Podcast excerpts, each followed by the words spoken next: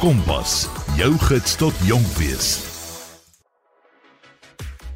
Goeienaand en welkom by Finansie Kompas program met my Chloe van Rooyen. Nou julle, dit is koud en die water het gespoel. Die sneeu het geval, maar steeds is ons hier. En die beste manier om die koue teen te stry is om 'n warme gesprek te hê. En dit is presies wat ons vanaand in Kompas gaan doen. As jy verlede week ingeskakel het, sê jy onthou dat ons fokus op watter werksgeleenthede daar is, sou jy 'n oorbruggingsjaar wil vat. Vanaand gesels ons met 'n pair wat 'n plasingsagentskap is. Nou lewe na skool begin nou al hoe meer 'n realiteit word vir matriekleerders en tyd raak min om 'n besluit te maak oor jou toekoms. As naskoolse studies nie noodwendig iets is waaraan jy belangstel nie, het jy steeds ander opsies. Dalk wil jy 'n oorbruggingsjaar vat om mooi te gaan besin oor wat presies jy wil doen. Maar dit is steeds belangrik om daardie tyd konstruktief te gebruik en nuwe vaardighede te sluip en ondervindinge op te doen. Nou soos ek sê, daar's baie opsies vir jou om van te kies. Jy kan op die boot gaan werk of by karnavalle en vakansiekampe in Amerika. 'n Ander opsie is om te gaan au pair. As jy dalk nog altyd die idee gehad het Maar jy weet nie presies wat die werk alles behels nie. Gaan finansie program jou definitief help om 'n besluit te maak. Ons gesels met Liz van die Au Pair Belastingagentskap. Liz vertel vir ons wat die werk van 'n au pair alles behels, watter vaardighede jy sal nodig hê, watter uitdagings jy kan verwag en wat die lekkerste dele van die werk is. So bly ingeskakel waar ook al jy is en leer meer oor au pair werk met my Chloe van Rooyen hier op Kompas. Kompas. Kragvers en knetterend. Goeienaand Chloe en RSG luisteraars. En dankie vir die geleentheid wat RSG bied om te kan praat oor werksgeleenthede vir jong mense. Uh ons agentskap se naam is The Au Pair en ons bestaan net mooi 10 jaar hierdie jaar. Ons span bestaan uit 4 agente. Twee agente is woonagtig in Nederland wat Suid-Afrikaners is en twee van ons uit die aard van die saak in Suid-Afrika. Lise Strydom was in 2007 in Au Pair, uh, dit die agentskap behoort aan haar en sy is die persoon wat in Nederland al die aansoeke hanteer van die gasgesinne. Sy doen ook die keuring, sy gaan besoek ook 'n gasgesin uh, aan huis en kyk ook wat is die opset um waarin die au pair gaan woon en sy begelei ook die au pair vir die volle jaar wat wat uh, sy in Nederland dan is. Uh ons ander agent in Nederland is Anet Kreer. Anet se dogter was ook 'n au pair in 2018 en Anet verstaan ook die hart en die siel van 'n au pair en sy doen al ons administratiewe begeleiding um aan die au pair. In Suid-Afrika is dit Hanlie Snyman. Hanlie was ook 'n au pair in 2007 So Hanlie verstaan ook wat's al die fases waardeur 'n au pair gaan. Sy's verantwoordelik vir al ons onderhoude en ook die mentorskap wat ons bied vir die jaar wat die au pair in Nederland is. Ek myself uh, is het by die agentskap ehm um, begin deurdat ek uh, my eie agentskap gehad het nadat my dogter in 1994 'n au pair was en die ervaring wat sy gehad het het gemaak dat ek besluit het, "Joe, dit is 'n wonderlike geleentheid vir jong mense." So het ek uh, vir 'n aantal jare um, my eie agentskap gehad en ek werk nou ook al 10 jaar weer saam met Lize in die agentskap vir au pair. So dit is ons span wat 'n au pair begelei van die begin af. En ehm um, ja, vir ons is dit al vir 'n passie. Dis nie vir ons net net 'n werk nie. Ons hou van wat ons doen. Ons hou van die geleenthede wat daar is ehm um, wat vir jong mense om 'n jaar oor see te kan gaan werk. Nou meeste mense het soort van 'n idee wat 'n au pair is, maar kan jy vir ons 'n bietjie meer inligting gee oor wat presies 'n au pair se werksbeskrywing is en wat hierdie posisie alles behels? Die woord au pair is 'n Franse woord en die betekenis daarvan is eintlik equal to the family. En dit is presies wat 'n au pair gaan ervaar in 'n jaar as 'n au pair in Nederland. Die werksbeskrywing van 'n au pair is baie maklik dit is definitief nommer 1 omsien, omgee en omkyk na kinders. Um ouers moet ook liefde vir 'n kind hê. Sy moet nie net kan voel ag dis 'n oulike ou dogtertjie of seentjie nie. Sy moet regtig kan inleef in 'n kind se wêreld. Sy kan met 'n kind se nie-verbale taal kan verstaan. Daarom is haar grootste deel van van die werk van 'n pair is om na die kinders om te sien, te help voorberei vir skool in die oggend, broodjies te maak, skool toe te vat, te gaan haal en die middag besig te hou met aktiwiteite en te soms te help um met die aandroetine van bad en stories lees. Uh, Oupa maak ook soms kos by families.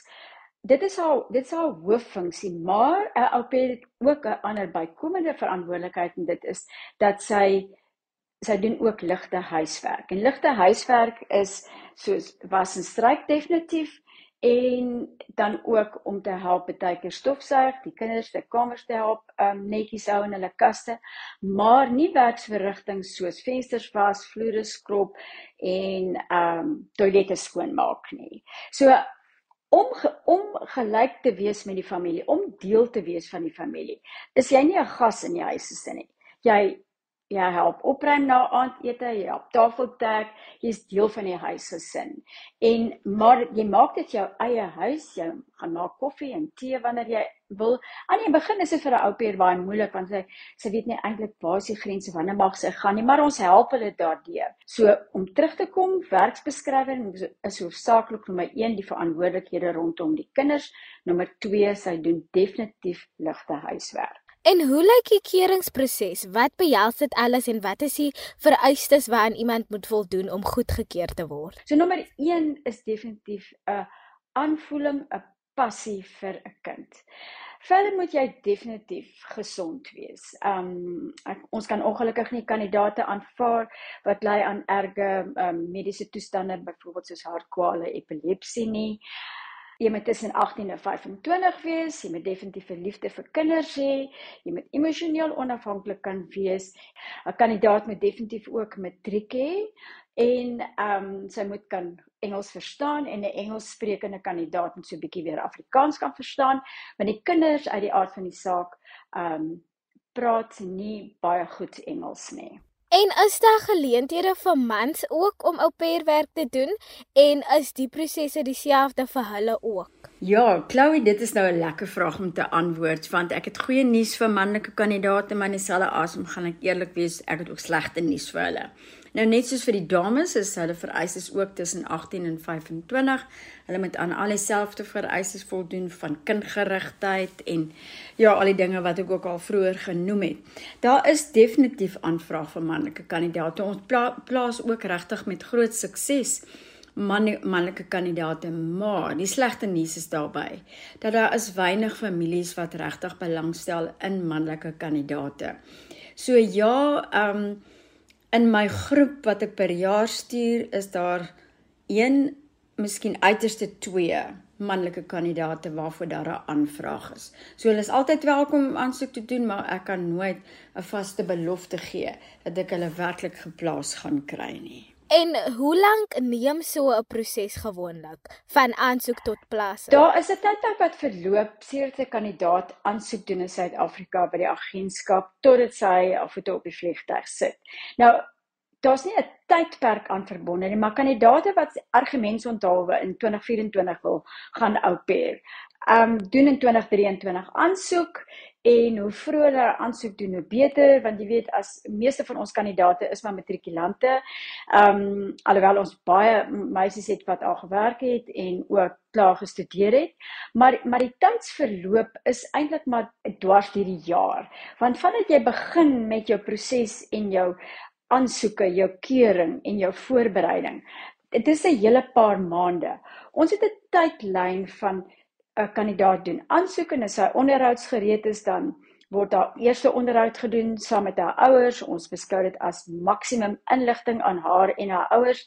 Sy maak dan 'n keuse en ons maak 'n keuse oor die kandidaat. Ehm um, as ons aan beide kante gelukkig met mekaar, dan is dit 'n tweede persoonlike onderhoud met 'n kandidaat.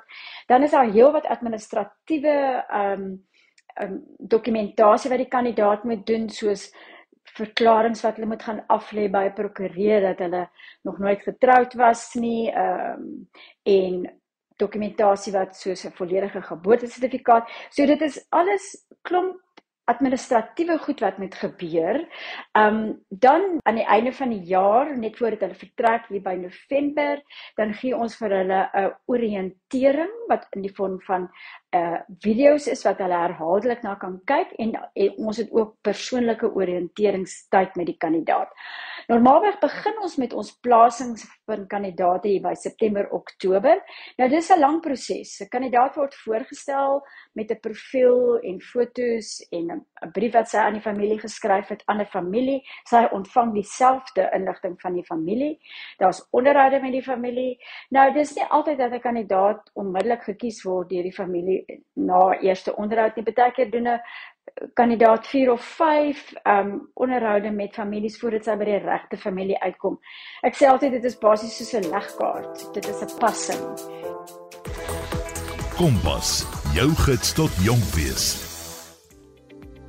En ons is terug. Ons is in gesprek met Lis van 'n au pair agentskap. Wil jy nog altyd oor see gaan au pair, maar jy weet nie wat alles van jou verwag sal word nie. Ja, Lis vertel ons nou 'n bietjie meer wat 'n au pair se verantwoordelikhede is en watter eienskappe vir jou 'n aanwinst sal wees sou jy 'n au pair wil word. Ek is seker om in 'n ander land te gaan werk kom met sy eie uitdagings. So, waarvoor moet voornemende au pairs op die uitkyk wees en hoe kan hulle oor hierdie uitdagings kom? Wat lê vir my voor vir 'n jaar au pair? Dit is baie belangrik dat 'n au pair dit moet weet. Ek het altyd die die uitdrukking wat ek sê, au pair is nie maanskyn en rose nie. Dis definitief harde werk. Om na kinders te kyk is harde werk. Dis 'n ander kultuur. Dissipline is totaal anders as in Suid-Afrika. Um 'n Nederlandse kind word ook groot met die reg om te kan sê wat ek voel en dit te kan absoluut te kan uitspreek en ongelooflik eerlik is. Uh, as sy nie hou van 'n ou pair se haarstyl nie, sal sy baie maklik vir 'n ou pair sê. Weet jy wat? Ek kan nie van jou hare nie. Maar as 'n ou pair gaan en sy gaan al sulke dinge persoonlik neem, dan gaan sy dan gaan sy tweede kom in die proses. Dit is waarom ek terugkom by die by die vereiste vir 'n ou pair. Sy moet emosioneel baie sterk wees. Sy moet emosioneel kan onderskei. Maar Ons ons hele beleid in ons agentskap is om daar te wees vir 'n ou pair. So sy het altyd 4 telefoonnommers wat sy kan kontak. Sy het vir Lize in Anet in Nederland, sy het vir van Hanlie en myself in Suid-Afrika. Um en wat belangrik is is dat 'n ou pair moet besef, sy kom met probleme na ons toe as sy na haar ouers toe gaan, ouers raak emosioneel betrokke wat jy heeltemal kan verstaan. En ouers ken nie verstaan ook nie die hele agtergrond en die milieu waarin die au pair werk nie. Vir ons as agente, omdat ons al vier betrokkeheid het by au pair as au pair of ons dogters wat au pair het, het ons goeie begrip vir waartoe gaan 'n au pair. So 'n au pair se jaar um is aan die begin van die jaar definitief nie, mak nie maklik nie. Aan die begin pas hulle ongelooflik moeilik aan by die klimaat want hulle vertrek van 'n sonnige warm Suid-Afrika na Kersfees en lekker nuwe jaar vertrek hulle na 'n ysige hoogs winterseisoen in Nederland en dit is koud. Die son skyn vir weke nie. Die wind waai, dit reën en almal gaan aan met die lewe. Nederlanders stop nie. Hulle ry fiets in die sneeu of dit nou wind is of ons in Suid-Afrika as dit mos koud is dan dan moet graag mos in ons motor dis ons normale vervoermiddel. Maar vir Nederlanders is is fietsse hulle normale vervoermiddel. En so daai aanpassing aan die begin vir 'n ou pair is baie erg. So dan betaal, dan moet sy nog aanpas by die taal wat sy nie altyd verstaan nie. Die misverstande wat daar baie keer kom as gevolg van die die taal. Die die kultuur die manier wat jy aankope gaan doen, die manier wat jy met die met publieke trans uh transport werk en ja, dit dit is groot aanpassings vir die vir die ou pair aan die begin, die kultuurverskil, die klimaatsverskil. Dan die ander groot vyand van 'n ou pair is en ek gaan die Engelse woord homesickness gebruik want dit is vir my 'n erg beskrywende woord die, die ou pair word regtig siek van verlange na die huis. Sy verlang na haar ma, sy verlang na haar pa. Sy verlang na die hond, na die kat, na die bure, na die omgewing se geluide, na die dinge hoe ons dit in Suid-Afrika doen, na braaivleis. So dit is aanpassingsfaal, maar ons gee baie aandag aan die begin, die eerste paar maande vir 'n au pair hier aan. En as 'n au pair met ons eerlik is, help ons haar die idee. En dis nie 'n kwessie van sy moet daarbey vasval nie. Sy moet net erken. Sy moet erken, weet jy wat, ek gaan deur 'n heimwee fase. Ek verlang na alles wat bekend is aan my. Maar sy kom maar deur en dit is wat 'n au pair so onafhanklik volwasse sterk maak in 'n baie kort rukkie se tyd. Nou watter vaardighede of eienskappe soek julle in kandidaate wat aansoek doen? Of watter eienskappe is goed om te hê as jy dink daaraan om 'n au pair te word? Ja, hierdie is 'n lekker vraag. Want weet jy, die belangrikste is jy moet kindgerig wees. Jy moet 'n passie hê in die vorm van begrip vir 'n kind, ervaring oor kinders. Jy moet kan 'n kind se siel verstaan, sy nie-verbale lyfstaal. Um, so om om kindgerig te wees, moet jy nie net kan sê ag, jene, maar dis oulike kindertjies nie. Jy moet regtig kan in jouself kan inleef in hierdie kind. En so dit is die eerste groot eienskap. Jy moet ervaring oor verskillende ouderdomsgroepe hê of as jy wil spesialiseer en sê, weet jy ek hou net van babas of ek wil net kleuters tussen 3 en 5 het, dan dan kan jy dit ook sê, maar jy moet jy met jou jy met jou die leefwêreld van 'n kind moet jy binne jouself kan ervaar. So jy moet self kan kind wees. 'n Ander groot eienskap waarna ons soek is definitief emosionele onafhanklikheid. Op 'n moenie kan elke keer wonder, oh, wag, laat ek eers gou my ma bel en vra wat moet ek nou doen of uh wat wat wat sou my pa sê as ek nou dit of dit of dat doen nie. Die belangrike is 'n kandidaat moet van haar voete af kan dink. Sy moet kan uh vinnig dink in die sin van prakties wees as daar krisisomstandighede is, ehm um, jy kan val of daar's ekstra of daar's erge neusbloeding, moet sy kan weet wat om te doen. Daarom is dit ook vir by ons 'n verpligte vereiste dat hulle vlak 1 noodhulp moet hê. So emosionele erkenning, ervaring, onafhanklikheid van jouself. Dit dit is wat jy definitief moet hê emosionele kennis.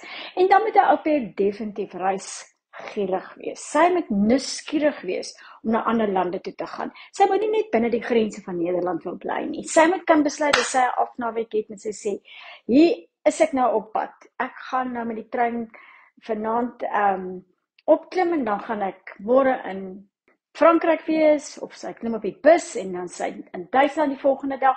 So so so ons in Suid-Afrika van een provinsie na 'n ander provinsie beweeg, beweeg hulle van een land na 'n ander land. So daai is belangrike eienskappe. Kindgerigtheid, emosionele onafhanklikheid, reisnuuskierig en 'n ander groot eienskap waarna ek graag soek is of ons graag soek is, sy moet gaan omdat sy wil gaan. Sy moet nie gaan omdat haar ouers dink dit is 'n goeie dis 'n goeie rigting om in te gaan of om met haar vriendin gegaan het of om met haar die liefde van haar lewe gaan sokker speel of hokkie speel in Nederland. Dis sy moet gaan omdat sy wil gaan pair en 'n jaar gaan ervaar. En ja, baie sterk eienskap wat 'n pair definitief moet hê. Sy moet aanpasbaar kan wees en sy moet kan ehm um, buigbaar wees wat wat tyd betref.